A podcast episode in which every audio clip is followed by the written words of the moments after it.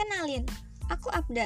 Di sini aku akan berbagi tentang pengalaman menjadi anak mata batin yang terbuka atau sering disebut dengan anak indigo. Hmm, supaya lebih enak didengar, kalau di kolom aku gimana kalau kita bilangnya anak indie Gimana? Lebih keren, lebih enak didengar gak sih? Tapi kalau kalian mikirnya aku akan berbagi cerita-cerita seram atau pengalaman-pengalaman yang pernah aku rasakan, aku lihat, aku temui, enggak.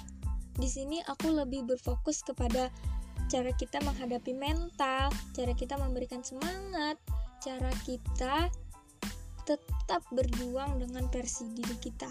Oke? Okay? Aku akan menyeling dengan beberapa cerita konyol aku mungkin supaya nggak bosen-bosen banget gitu loh. Sama ya sedikit pengalaman-pengalaman untuk kita memberikan semangat terus kepada hidup kita oke? Okay?